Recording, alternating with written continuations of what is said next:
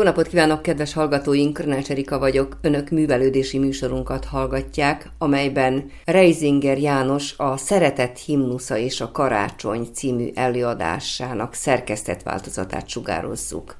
A karácsony egy mágikus takaró, amely könnyedén ránk terül, miközben mégis olyan megérinthetetlen, akár az illat. Burkolózzunk be tehát egy jó kis takaróba, és hallgassuk meg a következő előadást. Sokat beszélnek a szeretetről, és kevés valóságát látjuk. Én emlékszem, hogy még egy-két évtizeddel ezelőtt még beszélni se beszéltek róla. 1984-ben jelent meg magyarul először ez a könyv, ami Amerikában 1956-ban Erik Frommnak a Szeretet művészete című könyve, és mind a mai napig nyolc kiadást ért meg magyar nyelven, minden évben szinte újra kiadják, pedig a szerző bevallja, hogy ő ateista, ő nem hisz, sem Istenben, sem feltámadásban, sem örök életben, de azt mondja, hogy nagyon nagy baj van a szeretettel. Azzal kezdi a könyvét, hogy a legtöbb ember csak akkor beszél szeretetről, ha őt szeretik. Mindenki ezen panaszkodik, hogy őt nem szeretik eléggé, vagy őt nem úgy szeretik, ahogy elgondolja. A gyerekei, a rokonai, munkatársai. Azt mondja Eri Fromm, az emberek döntő csoportjának az a szeretet, ha őt szeretik. Szóval ez borzalmas. Ez lenne a szeretet, ha minket szeretnek. És ha minket szeretnek, mondjuk, ne adj Isten, valaki levesz a lábunkról, mint a hollót is a róka, akkor van szeretet? Nevetséges. Akkor van csak szeretet, ha valaki mosolyog ránk, és úgy tesz, mintha szeretne bennünket. Ezért becsapható az ember a szeretettel, és az emberek nagy részét becsapják a szeretettel. Hétköznapi életben, a szerelemben, a szerelem egy vadász terület az embereknek. Aztán azt mondja, hogy van egy másik csoportja az emberiségnek, aki azt mondja, hogy nem abban van a szeretet, ha engem szeretnek, nekem kellene szeretnem másokat. Na de én csak a hozzám közel állókat szeretem, a barátaimat, rokonaimat, ismerőseimet. Az emberiség másik csoportja akkor beszél a szeretetről, ha maga kis körében él, a kis oázisban, a kis házamon, váramon belül, és ekkor beszél a szeretetről, családban, rokonságban, baráti körben. Ez milyen nevetséges dolog. Ez lenne a szeretet? Hiszen van az embereknek még egy harmadik csoportja, és amik azt mondja, hogy hát azért minden embert szeretni kellene. De fogadjátok el, hogy én bizonyos embereket így tudok szeretni, másokat amúgy én nem tudok mindenkit ugyanúgy szeretni. Még ez sem az igazi szeretet, hogy minden embert szeretni, de csak úgy, ahogy tőlem kitelik. Én egy negyedik csoporthoz szeretnék tartozni, ezt fejti ki ebben a rendkívüli könyvecskéjében. Egyik kedves diákom megírta erre a könyvre a választ, hogy úgy mondjam a keresztény választ, Sós Attila a szeretet himnusza, a szeretet művészete a Biblia tükrében. Tudnék, Erik Fromm a Bibliát kihagyja. Hát ő ateista, hát ezt megteheti. De amit a negyedik kategóriáról mond, azt érdemes megjegyeznünk. Azt mondja, nem abban van a szeretet, hogy minket szeretnek, nem abban van a szeretet, hogy mi szeretünk másokat, a hozzánk közelállókat, nem abban van a szeretet, hogy mindenkit szeretek, de hát fogadjátok el, hogy ahogy tőlem telik, hanem én egy negyedik csoportba szeretnék tartozni, én szeretném megtanulni az életemben a szeretet művészetét. Ezt mindannyiunknak meg kell tanulnunk. Nem ezzel születünk. Mi hajlamosak vagyunk úgy gondolkozni, hogy ide születünk a világra, mindent meg kell tanulni, de a szeretetet nem. Hát az úgyis jön. Ez nem így van. A szeretet művészet, mégpedig a művészetek között a legmagasabb rendű művészet. És ezt mindenki elsajátíthatja. Ez nem olyan, mint a zeneművészet, hogy csak egy Bach van, vagy egy Mozart, vagy nem olyan, mint a festőművészet, hogy csak egy Rembrandt, vagy, vagy Michelangelo van. A szeretet művészetét, ha valaki elsajátítja a hétköznapi életben, akkor csodálatos ember életet élhet. De hogyan lehet elsajátítani a szeretet művészetét? És ez a könyv erről szól. Gondolatébresztő könyv, provokáló könyv, az Ószövetségi proféták közül Hósás próféta adja meg nekünk a kulcsot a szeretet himnuszához, hogy önök elé állítsam azt a szeretet himnuszát, amelyről I. és Gyula azt mondta, hogy a szeretet himnuszáról ma sem tudunk többet mondani. Ennél többet költő, író ember nem tud mondani. A szeretet himnusza úgy, ahogy most hallottuk is előadásban, hogy én is felolvasom az első Korintus levél 13. fejezetéből, ennél nagyobb alkotás a szeretetről nincsen. De ennek előtte hadd idézzem Hósás könyve negyedik fejezet első három versét, amelyben ezt mondja a próféta, hogy nincs igazság, nincs szeretet, mert nincs Istennek ismerete a földön.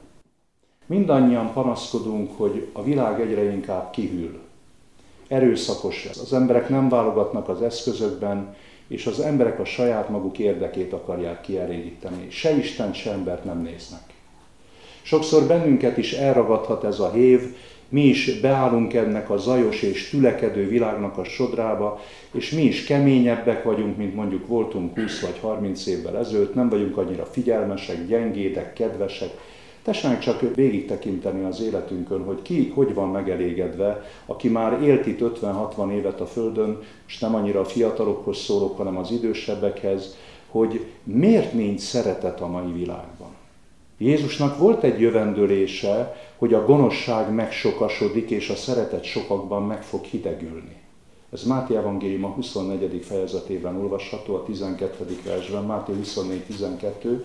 Én azt gondolom, hogy ezek a szavak, hogy a gonoszság megsokasodik, a szeretet meg azokban is, akikben volt régen meghidegül, ez itt a szemünk előtt teljesedik. Ez egy, egy beteljesedő profécia, amit Jézus mondott. De ehhez is Hósás könyve adja meg a kulcsot. Miért nincs igazság? Miért nincs szeretet a Földön? Mert nincs Istennek ismerete. Az emberek magukhoz viszonyítanak. Az emberek egymáshoz viszonyítanak, és egymáshoz viszonyítva nagyon jól tudjuk, hogy mindig nagyon jó emberek vagyunk. Miért? Mert találunk sokkal rosszabbakat, mi nálunk. És így mindenki megnyugtatja magát, hogy én azért nem vagyok hétpróbásba az ember. Én nem vagyok egy szemtelen, szeretettelen laki, én nem öltem meg senkit, én nem raboltam ki senkit, én nem ordibálok, én nem káromkodom. Hát tulajdonképpen egy jó, tisztes polgár vagyok, egy kultúrált ember, hogy néha indulatba jövök, néha sértődékeny vagyok, néha órolok a másikra, néha elviselhetetlennek tartok egy-két embert. Hát ez mindenkivel előfordul, hát ennél többre úgyse mehetünk. Azt mondja Hósás prófét, hogy azért nincs szeretet, mert nincs igazság. És azért nincs szeretet és igazság, mert nincs Istennek ismerete a Földön. Ha az emberek megismernék az Istent személyesen, hogy ki az Isten, ugye Istenről a legrövidebb bibliai kijelentés ez, hogy Isten pedig szeretet. Az ő lénye az röviden így foglalható össze, hogy van egy olyan személy a világ mindenségben, ezt első János levél 4. fejezet 8. verse mondja a legrövidebb meghatározás Istenről, Isten pedig szeretet, de amikor Isten elküldte Jézus Krisztust, akkor János evangéliuma első fejezet 14. versében azt olvassuk, hogy Jézus teljes volt kegyelemmel és igazsággal. Tehát ő tökéletes szeretetben élt, de a tökéletes szeretet az nem nélkülözi a tökéletes igazságot sem. Na itt van az első nagy probléma, hogy a mi tudatunkban ketté válik ez a két dolog. Vannak emberek, akiket szeretünk, de azokkal nem vagyunk annyira igazságosak elnézzünk nekik dolgokat. Rájuk hagyunk dolgokat. Vannak emberek, akikkel meg igazságosak vagyunk, akiknél minden attól dolgot látunk, hibát, meg visszataszító dolgot, azokat meg nem szeretjük. Az emberi életnek ez a tragédiája, hogy mióta mi befogadtuk a, a rosszat a világba, a rossz, a bűn ketté hasította bennünk az életet, és mondom, bennünk a szeretet, meg az igazság, az ketté vált. Istenben és Jézus Krisztusban a szeretet és az igazság mindig egy volt. Vagyis azért ilyen a világ, amilyen, mert az emberek tényleg bizonyos embereknek kedveznek, hát mindenki szeret, ha más nem önmagát, vagy egy bizonyos szűk kört, és mindenki mondhatja azt, hogy ő tudja, hogy mi a szeretet, őtől ne kívánják, hogy másokat vagy az egész világot szeresse. Megvan az a pár ember, akit szeret. Ő jó ember, mert hát ő is képes a szeretetre. Más emberekkel szemben viszont igazságosak, azokat meg nem szeretik. Tehát azért kellene nekünk ezt a szeretet himnuszát komolyan vennünk, mert a szeretet himnusza megmutatja, hogy hogyan juthatunk el a valódi szeretetre. Mert ami van a világunkban most szeretet címén, ami létezik, az egy álságos szeretet, egy hazug szeretet. Mert szeretni önmagamat, ez önzés, szeretni egy zárt kört, aki körülöttem van, ez részehajlás, Szeretni az embereket, de csak úgy, ahogy tőlem kitelik, ez nagyon emberi, de mi nem az ember kezéből kerültünk ki, mi Isten kezéből kerültünk ki, és Isten Istenivé akarja tenni a mi életünket. A szeretet által. És ezt a szeretet himnusza valami hallatlan egyszerűséggel, de mélységgel mutatja be. A szeretet himnuszának három része van.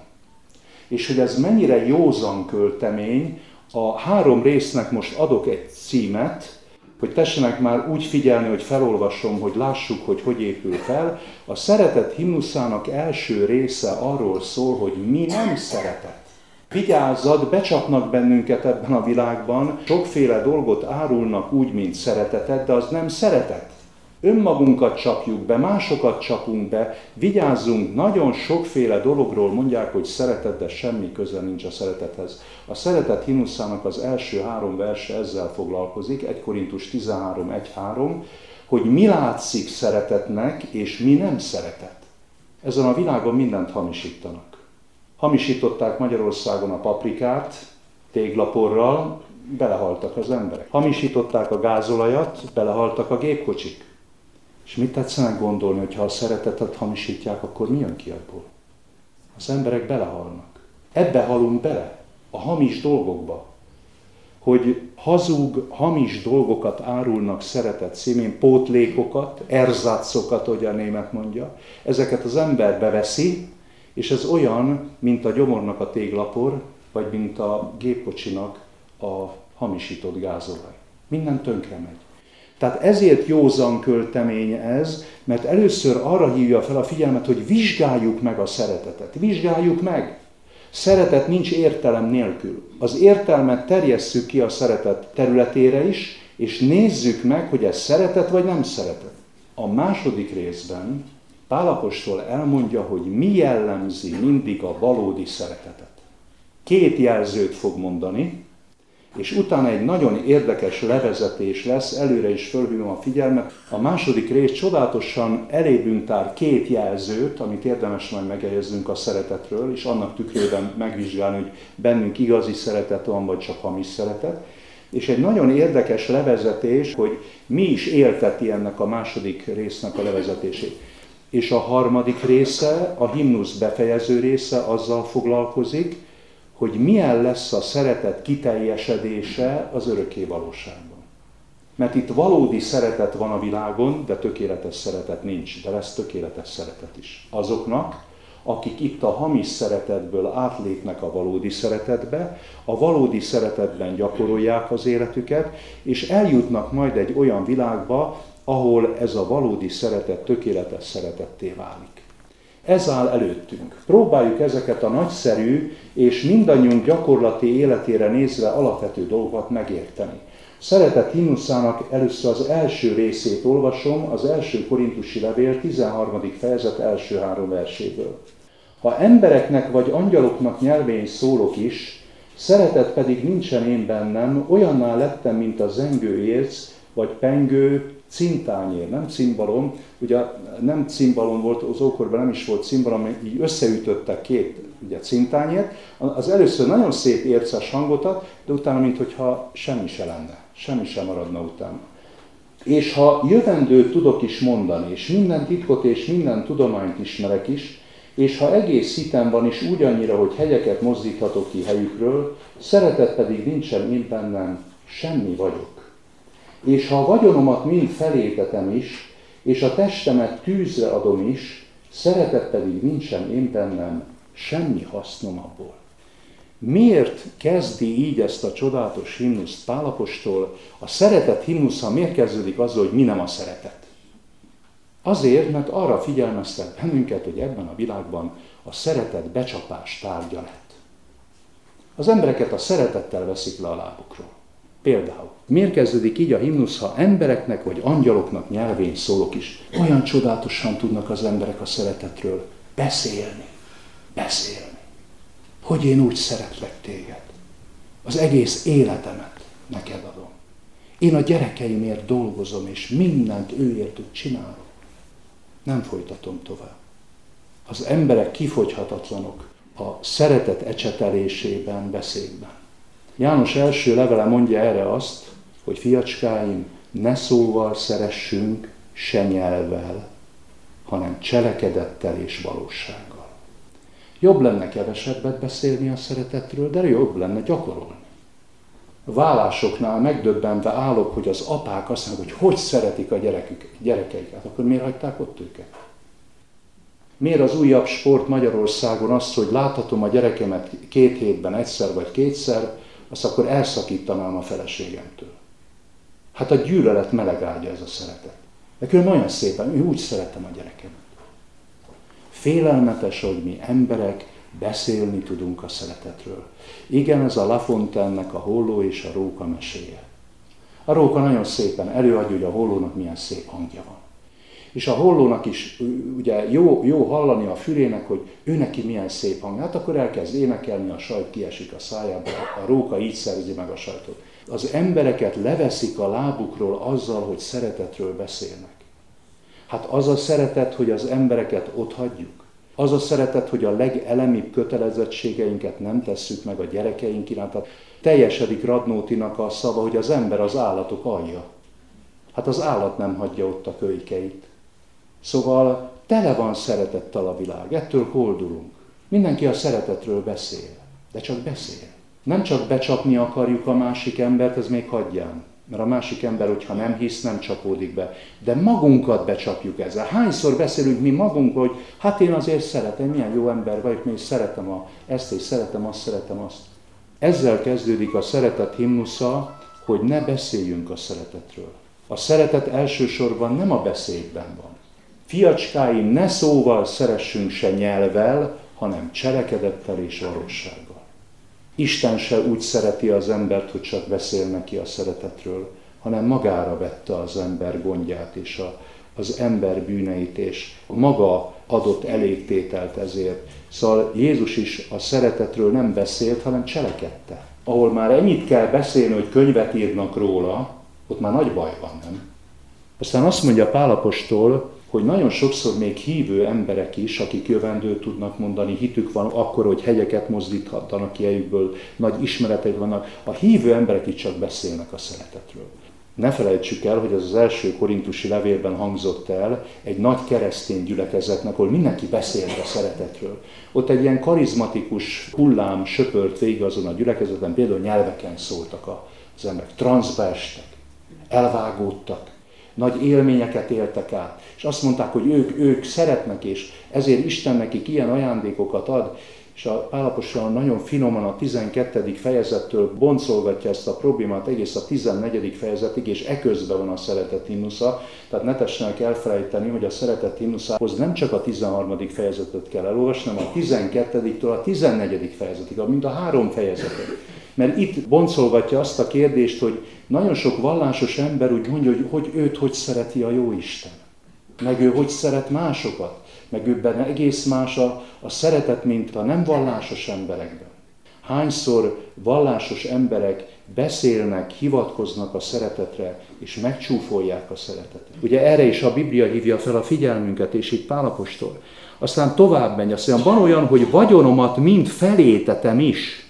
Vannak emberek, akik meg akarják mutatni, hogy ők mennyire szeretnek, szétosztogatják a vagyonukat, minden pénzüket a szegények megsegítésére fordítják. A vagyonomat mind felétetem is, és a testemet tűzre adom is. De lehetséges, hogy igazi szeretet nincsen én bennem, és ezért semmi vagyok. Hány és hány ember él így, hogy valami nagy dologgal meg akarja mutatni, hogy ő benne milyen nagy szeretet van. Shakespeare, a nagy drámaíró, Két nagy darabot írt erről. Az egyik a Lír király, a másik az Aténi Timon. Ezt érdemes ezt a két darabot elolvasni. Lír király, aki mind a három lányát szereti, de rossz szeretettel. És amikor jön a pénz, jön ugye az az átkos pénz, amikor megosztja a szülő a pénzt, és két lány dörgölődzik, csak már azt nézi, hogy az apjáról még többet hogyan háncson le, de a harmadik lány azt mondja, hogy nem, én nem ilyen szeretetet kérek, ő rá megharagszik, őt majdnem kitagadja. És ez lesz az a harmadik lány, aki a számüzöttségében, mellőzöttségében majd az apja mellé áll.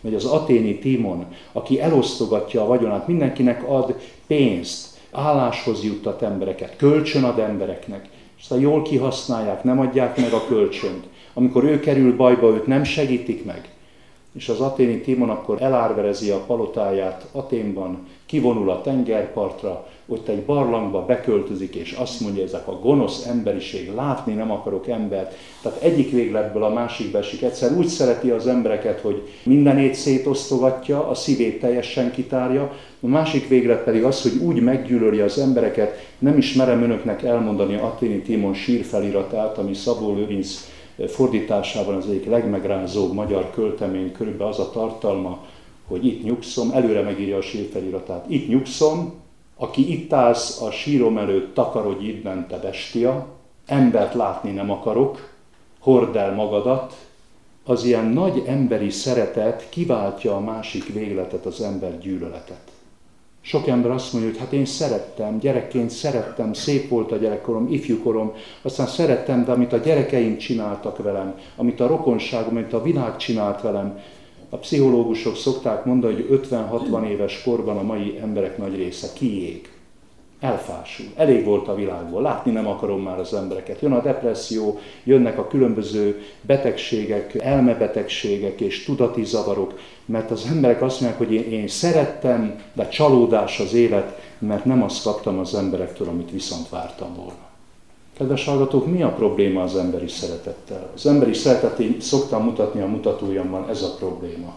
Az emberi szeretet ez ez. Szeretem a másikat úgy, hogy a másikon keresztül magamat szeretem. Ez az emberi szeretet. Sokszor nem vesszük észre. Mi úgy szeretjük a másikat, hogy a másik szeressen. Adok neki, hogy ő is adjon. Szeretem, hogy viszonozza a szeretetemet. És amikor a másik nem viszonozza, akkor egy idő után kígyódbékát kiabálok a másikra. Ez az emberi szeretet, amire mi magunk képesek vagyunk, ez hamis szeretet. Nem az a szeretet, hogy a másikon keresztül magunkat szeressük. Szeretet az, hogy a másikat szeressük. Találkoztam egy 80 éves asszonynal, tartottam egy előadást egy vidéki városban, aki nem ment férjhez, az is érdekes, hogy miért nem ment férjhez, azt mondta nekem, nem akarok csalódni. Nekem volt az életben egy nagy szerelmem a második világháborúban, egy ellőtt lábú emberbe voltam szerelmes. Egy német emberbe, akinek ellőtték a lábát, amputálták. Én ápoltam egy magyar kórházban, olyan szép szerelem volt ez, de hát ő visszament az övéhez, én nem mentem ki utána, leveleztünk, és az életem legszebb kapcsolata volt, de én egyedül maradtam. Én nem akartam csalódni. De gyermekre vágyakoztam, és amikor már 40 éves lettem, és én egyedül voltam, mint asszony, hogy a gyermekeket nem szülhettem, hát kivettem árva gyermekeket, hogy felnevelem őket. Kivettem három gyereket egymás után. Az egyik meglopott, a másik megkeserített, a harmadik is szembefordult velem. És én akkor, amikor elértem a 60 70 évem közötti időszakot, úgy megkeseredtem, hogy én, én szeretni akartam embereket, fölneveltem árva gyerekeket, és ezt kaptam tőlük. Ezt kaptam tőlük. Én mindenemet, a pénzemet rájuk áldoztam, az egyik egymillióval lopott meg. A szeretetemet, minden fölneveltem őket, a másik a fél házamat vitte el. Most majdnem földönfutó lettem, de én nagyon szorgalmasan kitartottam a Biblia olvasása mellett. És ebben a keserűségemben, bajomban fölidéztem a hegyi beszédet, Lukács evangélium a hatodik fejezetében mondja Jézus, adjatok, adjatok kölcsönt, érte semmit nem várva. És akkor én megértettem 70 éves korhoz közel, hogy az a szeretet, amikor úgy adunk, hogy semmit nem várunk. Semmit. De semmi a semmi. Az igazi szeretet az nem vár viszonzást. Az igazi szeretet szereti akkor is a másikat, ha érdemtelen rá. Ez az agapé. A meg nem érdemelt szeretet. A méltatlanok iránti szeretet. Azt szeretni, aki viszonozni tudja, hát jó, az is szeretet, de ha viszonozza, akkor sokszor csak azért szereted, mert kapsz majd tőle. Nem tudod kikapcsolni ezt a hátsó érzés, gondolatot. De ha valakit szeretsz, aki nem tudja visszaadni, vagy nem is akarja visszaadni, hát az a szeretet. Szeretni azt a valakit, aki méltatlan, aki érdemtelen, szeretne azt a valakit, aki talán nem is szeretetre méltó.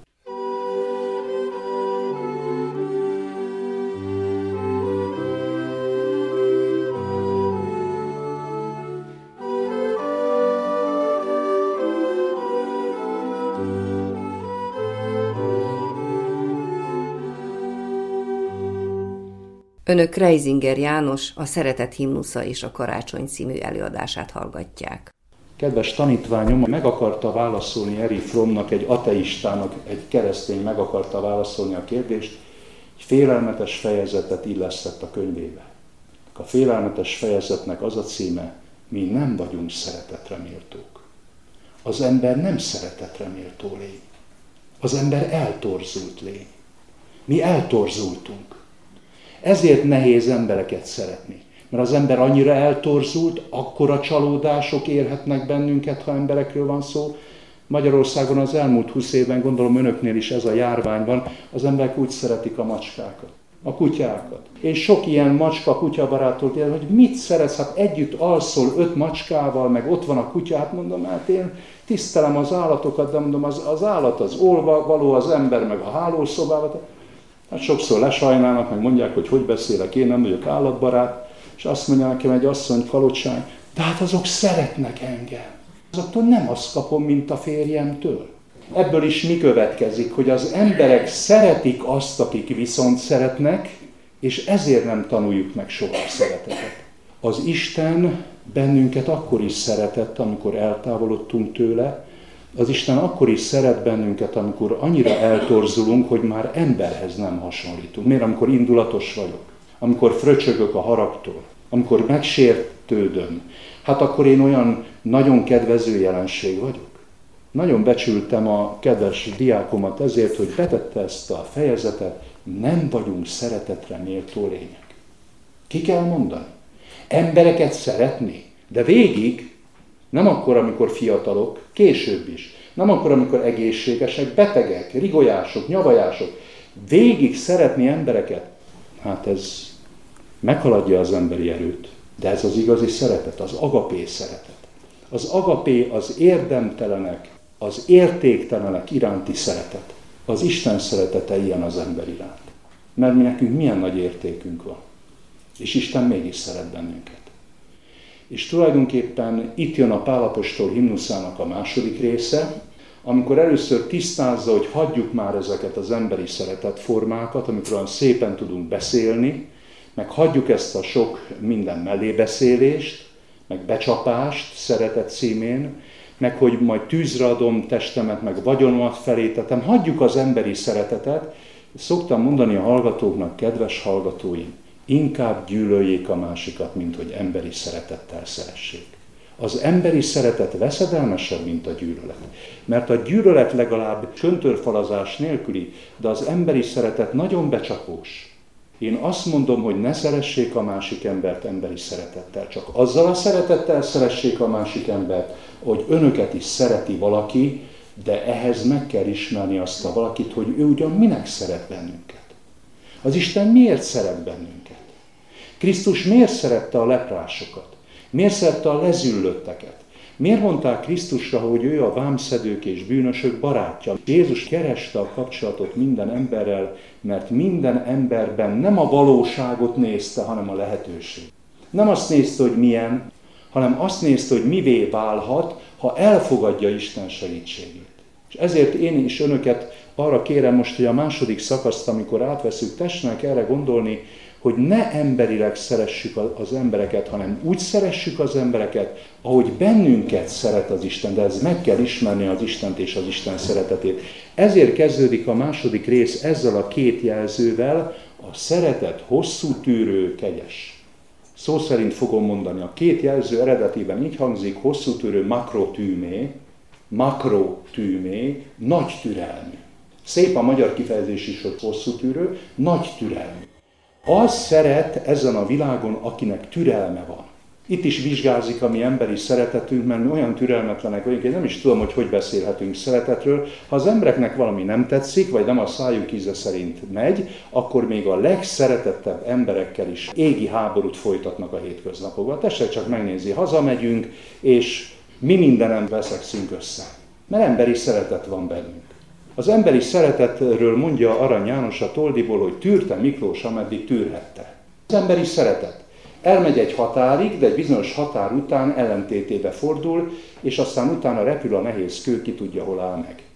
Makrotűmé. Abban van igazi szeretet, akiben türelem van.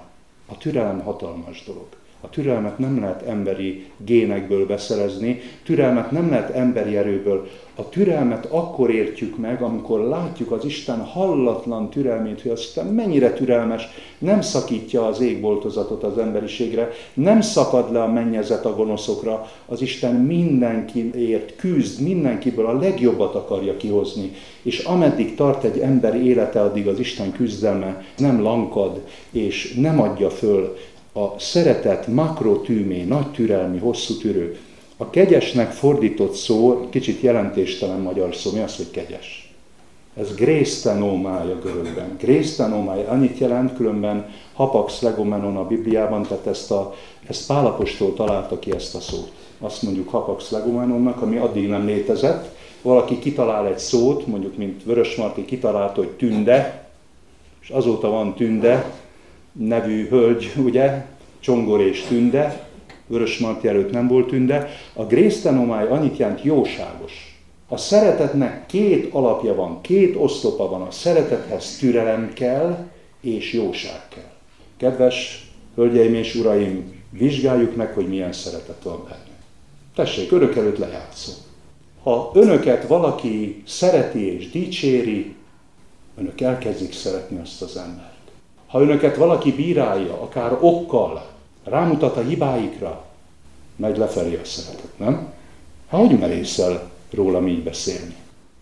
Látja a hibáimat? Vannak hibáim? Megy lefelé a szeretet. Ez jellemzi az emberi szeretetet. Ha az embert nem szeretik, akkor az emberi szeretet is visszahúzódik, és nem szeret.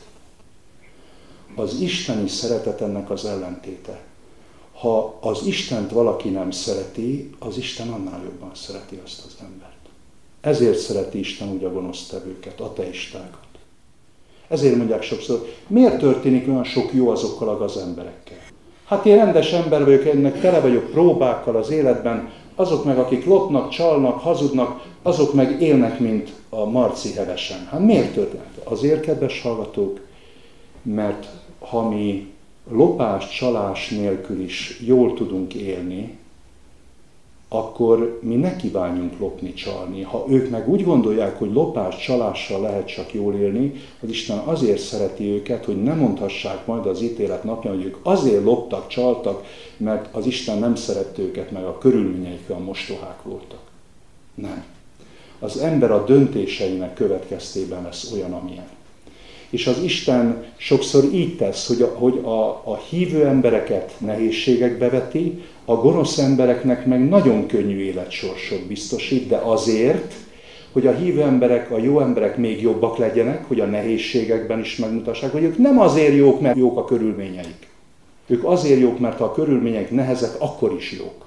És a másik emberfajta nem azért gonosz, mert rosszak a körülményei, hanem ha kedvezők a körülményei, sajnos akkor se változnak meg, akkor is gonoszok maradnak. Az isteni szeretet az, amikor, ha valaki rosszat tesz velünk, nem arra gondolunk, hogy most mit mondott rólam, meg mit tett velem, hanem arra gondolunk, hogy Nini, ezt mondta rólam, vagy ilyen rosszat tett, annál jobban kell szeretnem, mert ki fogja őt megsegíteni, hogy ne így viselkedjen, esetleg másokkal szemben sem. Ha megsértenek bennünket, és visszahúzódunk, akkor emberi szeretet van bennünk. Ha megsértenek bennünket, de kedvesek maradunk, és a másik embernek mondunk egy-két jó szót, és nem leszünk ellensége akkor se, hogyha sérteget, akkor Isten szeretet van bennünk. Tudom, hogy megérteni esetleg meg lehet, de ezt gyakorolni kell. Ebben gyakorlatot kell szereznünk. Ezt először egy gondolatban kell tisztáznunk, hogy ha valaki nekem rosszat tesz, Kivel történt a nagyobb rossz? Velem vagy vele? Ha azt mondom, hogy velem, akkor elkezdem sajnálni magamat, elkezdem a hibáját felnagyítani, de ha azt mondom, hogy azzal történik mindig a nagyobb rossz, aki teszi a rosszat, nem aki elszenvedi, aki teszi a rosszat. De mi emberek erre nem vagyunk képesek. Mi emberek mindig csak úgy gondolkozunk, hogy ő ezt mondta rólam, arcul ütött, hogy merészelte, gonoszság, mégiscsak borzalom, velem történt a nagyobb rossz. Az emberek természeti gondolkodása, az emberi természet magatartása ez. Ezért kell nekünk Istent megismerni. Ezért kell a hit természetét. A hit mindig azt mondja, hogy azzal történt a nagyobb rossz, aki teszi a rosszat. Őt kell segíteni. Ezért nem szabad visszavágni. Ebben van a szeretet. A szeretet mindig egy igaz belátásnak a gyümölcse. A szeretet nem egy érzés csupán, az más dolog, hogy aki igazán szeret, azt jó érzések kísérik. De a szeretet elsősorban egy gondolkodásforma. Ezt nem csak a Biblia mondja, hanem Szokratész is azt mondta az aténi ifjaknak a Biblia Jézus Krisztus előtt 400 évvel, hogy kedves aténi ifjak, melyik a nagyobb rossz? Elszenvedni a rosszat, vagy elkövetni a rosszat? És az aténi ifjak mit mondtak? Hát elszenvedni a rosszat, az a nagyobb rossz. Akkor Szokratész szépen rávezette őket, hogy nem az a nagyobb rossz, hogy elszenved a rosszat, hanem az a nagyobb rossz, ha te teszed a rosszat. Erre rá kell vezetni az embereket, ezt végig kell gondolni. Mivel ezt mi nem gondoljuk végig, ezért a sértésekre mindig szeretetlenül válaszolunk. Ha valaki megsért bennünket, rögtön visszavágunk. Vagy ha nem vágunk vissza, még rosszabb, szépen betesszük, és 10-20 évig garantáltan itt fog maradni, és majd úgy visszavágok kétszer akkorát, mint valaki mondta nekem Magyarországon, ki volt téve egy kereszt a hajtókájára, hogy ő keresztény, és mondom, hogy te miért veszed ki ezt a keresztet, úgy tüntetni akarsz, hogy te keresztény? Azt mondja, hát én keresztény vagyok, de arra megtanítottam a gyerekeimet, hogy ha megütnek jobb felől, én tudom, hogy Jézus azt mondta, hogy tartsd oda a bal orcádat is, de azt mondtam a gyerekeimnek, hogy Jézus egyben tévedett, ha megütnek jobb felől, akkor két akkora pofont adjál neki, hogy szikrázzék a, szeme, hogy nehogy még egyszer arra gondoljon, hogy téged megüthet. Na hát ezek a keresztények, tetszett látni. Itt vagyunk most. Hogy az emberek azt mondják, hogy szép dolog a kereszténység, szép dolog, amit Jézus mondott, de az 2000 éve mondta, annak az ideje már lejárt, szavatosság lejárt. Most, hogyha én engem megütnek, és én nem ütöm vissza legalább kétszeresen, még azt hiszi, hogy legközelebb is majd olyan könnyen elbánhat velem. Beszéljünk egymással erről. Végig kell gondolnunk, hogy a sértésekre hogy válaszolunk. A sértésekre a Biblia ezt mondja, Róma 12.21, ne te győzettessél meg a gonosztól, a gonoszt is jóval győznek. Ne téged győzzön a rossz, és tudod, mikor győz téged a rossz? Ha te is rosszal válaszolsz a rosszra, akkor legyőzött.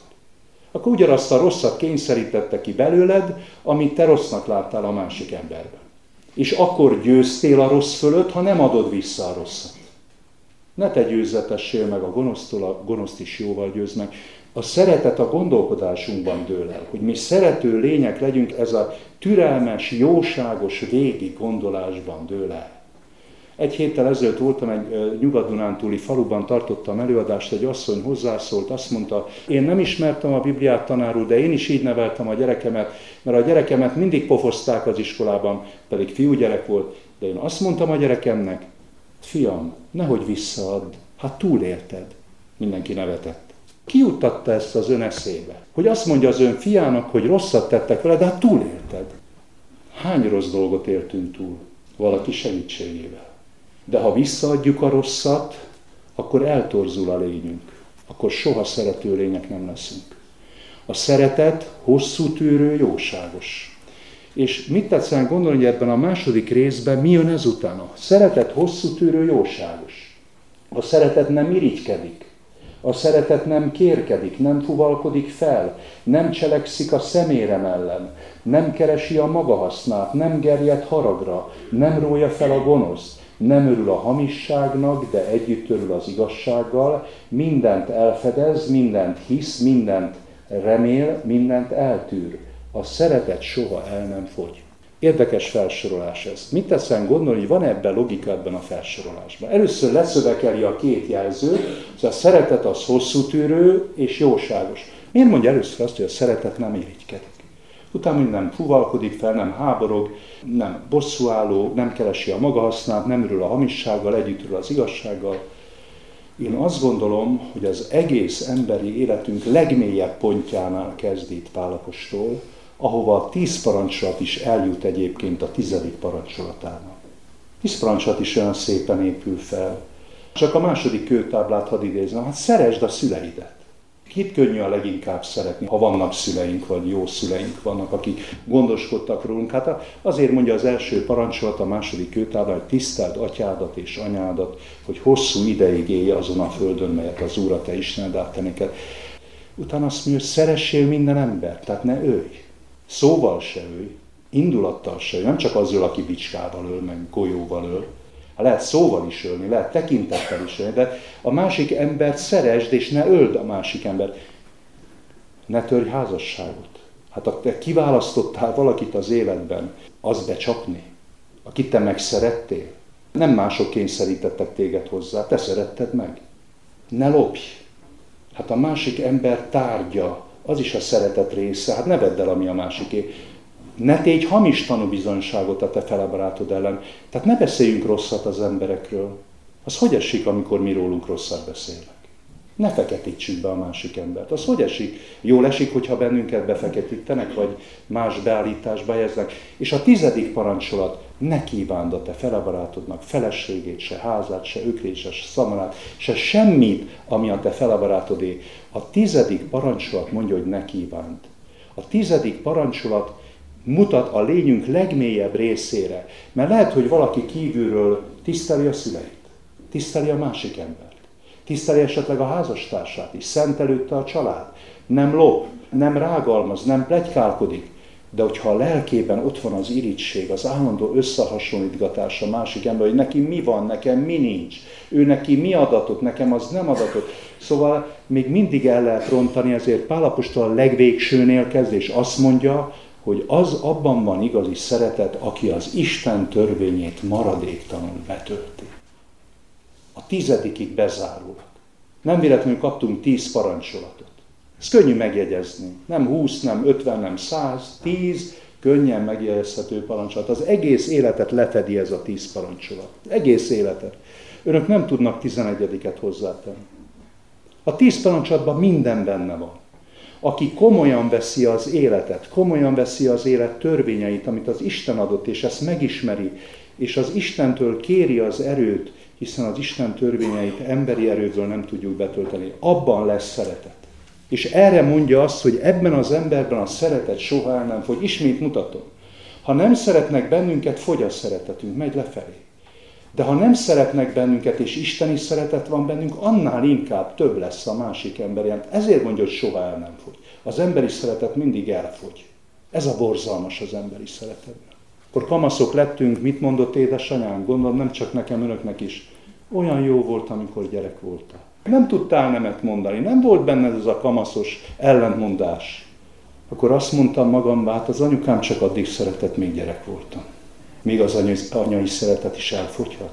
Tetszenek ismerni a Bibliának a híres meghatározását az emberi szeretetről? Most mondom ki ennyi beszéd után.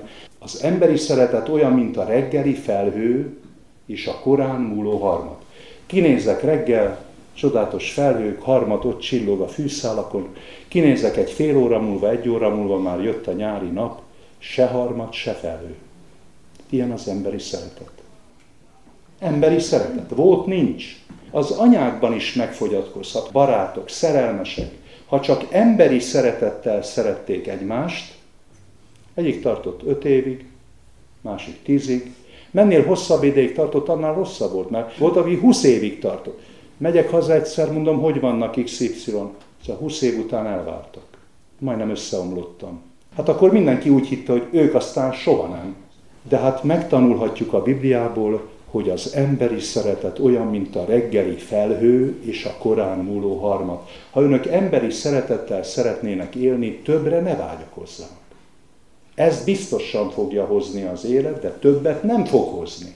Ha önök nem emberi szeretettel akarnak élni, akkor itt mondja ki a nyolcadik versben Pálapostól, hogy itt ez a reggeli felhő korán múló harmat, ez pedig a soha el nem fogy.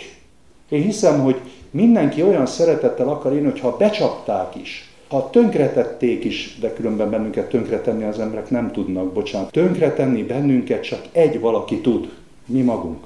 Más nem tud bennünket tönkretenni. Az igazi szeretet, az túlél mindent. A világ azt a szeretetet hirdeti, hogy szeres, hogy viszont szeressenek. A Biblia azt a szeretetet hirdeti, hogy szeres, függetlenül attól, hogy viszont szeretnek. Ezt a szeretetet csak Istentől lehet kapni, ezt ember nem tudja belénk plántálni. Se szülő, se jó barát, se szentember, se pap, se lelkés, se senki. Egyedül az Isten tud adni olyan szeretetet, ami soha el nem fogy. Ez csodálatos dolog. Soha el nem fogyó szeretet. És ha már idáig eljutott Pálapostól, akkor itt jön a himnusznak a befejező harmadik része, amikor azt mondja, hogy ez a szeretet meg fog maradni az örökké valóságon keresztül is. A szeretet soha el nem fogy, de legyenek bár jövendőmondások, eltöröltetnek, vagy akár nyelvek megszűnnek, vagy akár ismeret eltöröltetik. Mert rész szerint van bennünk az ismeret, rész szerint a profétálás. De mikor eljön a teljesség, a rész szerint való eltöröltetik. Mikor gyermek voltam, úgy szóltam, mint gyermek, úgy gondolkoztam, mint gyermek, úgy értettem, mint gyermek, minek utána azonban férfiúvá lettem, elhagytam a gyermekhez illő dolgokat. Most tükör által homályosan látunk, akkor pedig színről színre. Most rész szerint van bennem az ismeret, akkor pedig úgy ismerek majd, amint én is megismertettem. Most azért megmarad a hit, remény, szeretete három, ezek között pedig legnagyobb a szeretet. Kövessétek a szeretetet. Csodálatos a himnusznak ez a hosszú harmadik része. Lehet, hogy első hallásra nem is érted, hogy mit akar itt mondani. Miért hozza ezeket a hasonlatokat, amikor gyermek voltam, úgy gondolkoztam, mint gyermek, felnőttem, akkor elhagytam a gyermekhez illő dolgokat. Azt mondja Pálapostól, hogy az életünkben is milyen érdekes, a gyermekekre is azt szoktuk mondani, hogy milyen aranyos ez a gyerek, milyen szép, milyen tökéletes ez a gyerek. Na de teljesen elhagyjuk a gyerekkor, de azért a fejlődés megy tovább. Az emberi életben is nagyon nagy fejlődést tehetünk meg. Tessék csak meggondolni, egy gyermek értelme, meg mondjuk egy 20-30 éves ember értelme. Milyen óriási különbség.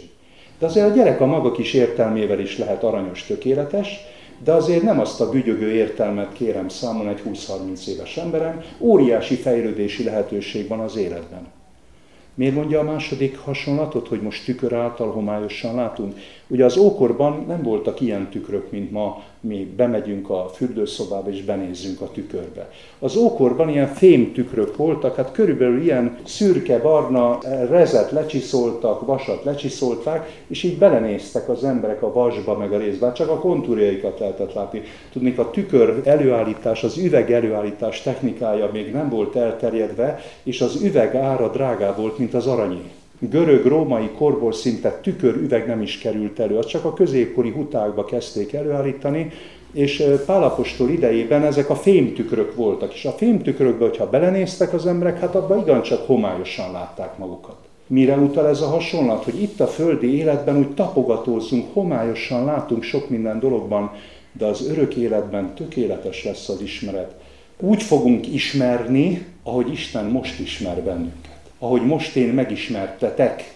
Mire utal itt Pálapostól? Itt arra utal a harmadik befejező részben, hogy nem ebben a szeretetben az emberi szeretet. Az emberi szeretet ez olyan, mint a reggeli felhő és korámuló harmad. Ebbe fejlődés nincsen. Az isteni szeretetben olyan fejlődés van, amit el se tudunk képzelni, körülbelül olyan fejlődés, mint hogy a gyereknél sokkal magasabb rendűbb egy 30-40 éves emberi koponya, mint hogy egy fémtükörnél tökéletesebb az, amikor én úgy ismerek majd, hogy az Isten most ismer engemet. Tehát az örök életben óriási fejlődés lesz, és el nem tudjuk képzelni, hogy az milyen élet lesz, mert az tökéletes lesz a szeretetben. Ott olyan emberek kapnak életet, Jézus Krisztus olyan embereket támaszt fel, akik itt a földi életben megtanulták a valódi szeretetet azok az örök életben meg fogják tanulni a tökéletes szeretetet. Mi nem tudjuk elképzelni, hogy milyen lesz az örök élet.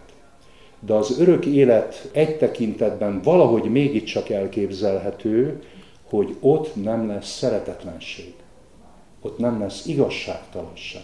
Ott a szeretet és az igazság a maga teljességében fog eh, kibontakozni és fejlődni. Tessenek meggondolni, hogy itt a föld életben mi mindenre megy el az erőnk. Jó lenne itt a föld életben megtanulni a szeretetet, meg az igazságot. De nagyon sok ember azt mondja, hogy hát itt a föld életben arra kell elmenjen az erőm, hogy, hogy pénzt kell keresnem, hogy egyáltalán megéljek. Hát valamit ennem kell, meg innom kell, meg a gyerekeimnek is falatot kell adnom a szájukba. Hát itt a földi életben jaj, de jó lenne egy kicsit elvonulni, jaj, de jó lenne olvasni, jaj, de jó lenne gondolkozni. Tehát itt a földi életben robotolok reggeltől estig, hogy egyáltalán fönnmaradjak. Kedves hallgatók, bizonyos értelme ez igaz, és Isten is ezt mondta, amikor beengedtük a világba a rosszat. Tetszenek emlékezni a híres mondatra? Orcád verítékével. Félelmetes mondat. Orcád verítékével kell keresned a kenyeret. Maga a Biblia is elismeri, hogy mi beengedtük a világba a gonosz, sátánt és a démonait, és a bűnt, és annak az életelvét, és a puszta fennmaradásunkért is küzdeni kell. Hát rosszabb a helyzetünk, mint az állatoké.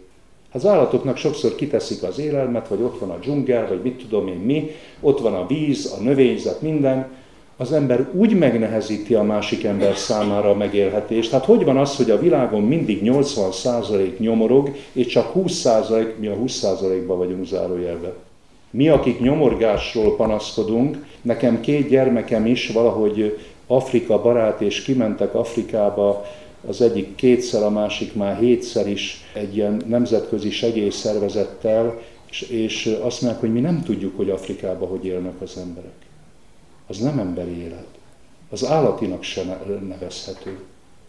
A puszta fennmaradás, hogy reggel föl kell, és ha összeszedi az összes elhányt műanyag flakont, akkor kap annyi kis pénzt egy afrikai gyerek, hogy ennyi fufut megehet, a fufu az afrikaiak kenyere, kukorica kenyér, ennyi egy ilyen kis fufut. És akkor az jó napja. Naponta Afrikában, Ázsiában 50 ezer gyerek hal meg éhen. Naponta, ma is meghalt annyi, és holnap is meg fog halni, és holnap után is. Borzalmas a, a mi világunk, ne tévesszem meg bennünket a sok csillogás, meg szórakozás, meg amit mondanak, hogy milyen csodálatos a fejlődés. Hát a világunk az nem a világok legjobbika, hogy Leibniz mondta, hanem egy, egy félelmetes világ, ahol mindig 80% nyomorog, és 20% élvezi úgy, ahogy, tehát ez a 20% is a mi életünk is, hogy mondja Mózes, a mi életünk ideje 70 esztendő, vagy ha feljebb 80 esztendő de a nagyobb része nyomorúság és fáradtság, és gyorsan tova tűnik, mintha repülnénk. Mikor írta ezt Mózes? 3500 évvel ezelőtt. Így van, vagy nem így van? Ha itt valaki megtanulja, hogy mi az igazi szeretet, ahogy egy francia író mondja, Georges Bernanos azt mondja, szeretetről beszélni túlzás a mi életünkben. Mint hogy adásról is beszélni túlzás. Nem adnunk kellene, hanem továbbadnunk. Nem azt kell adni az embernek, amit mi gondolunk. Az embereknek melegre van szükségük, türelemre, hosszú tűrésre, jóságra, ezt kell adni az embereknek. De ezt magunkból nem tudjuk adni. De olyan könnyű továbbadni, mert bennünket nagyon szeret valaki. Csak ezt észre kéne venni. És hogyha én észreveszem, hogy engem hogy szeret valaki, és én csak úgy elmondom a gyerekeimnek, hogy én hogy éltem túl ezt, azt, amaszt, és hogy én mit kaptam attól a valakitől. Ha ezt továbbadjuk, akkor ebből lehet élni. Én azt gondolom, hogy mindannyian kegyelemből élünk. Mindannyian. De aki ezt tudatosítja, az hitből él, és aki hitből adja át a többi embernek azt, amit Istentől kapott, az szereti a másik ember. Jézusnak az első eljövetelére tekint vissza a karácsony előtt az emberiség, Jézus viszont azzal búcsúzott, hogy a második eljövetelére készüljünk.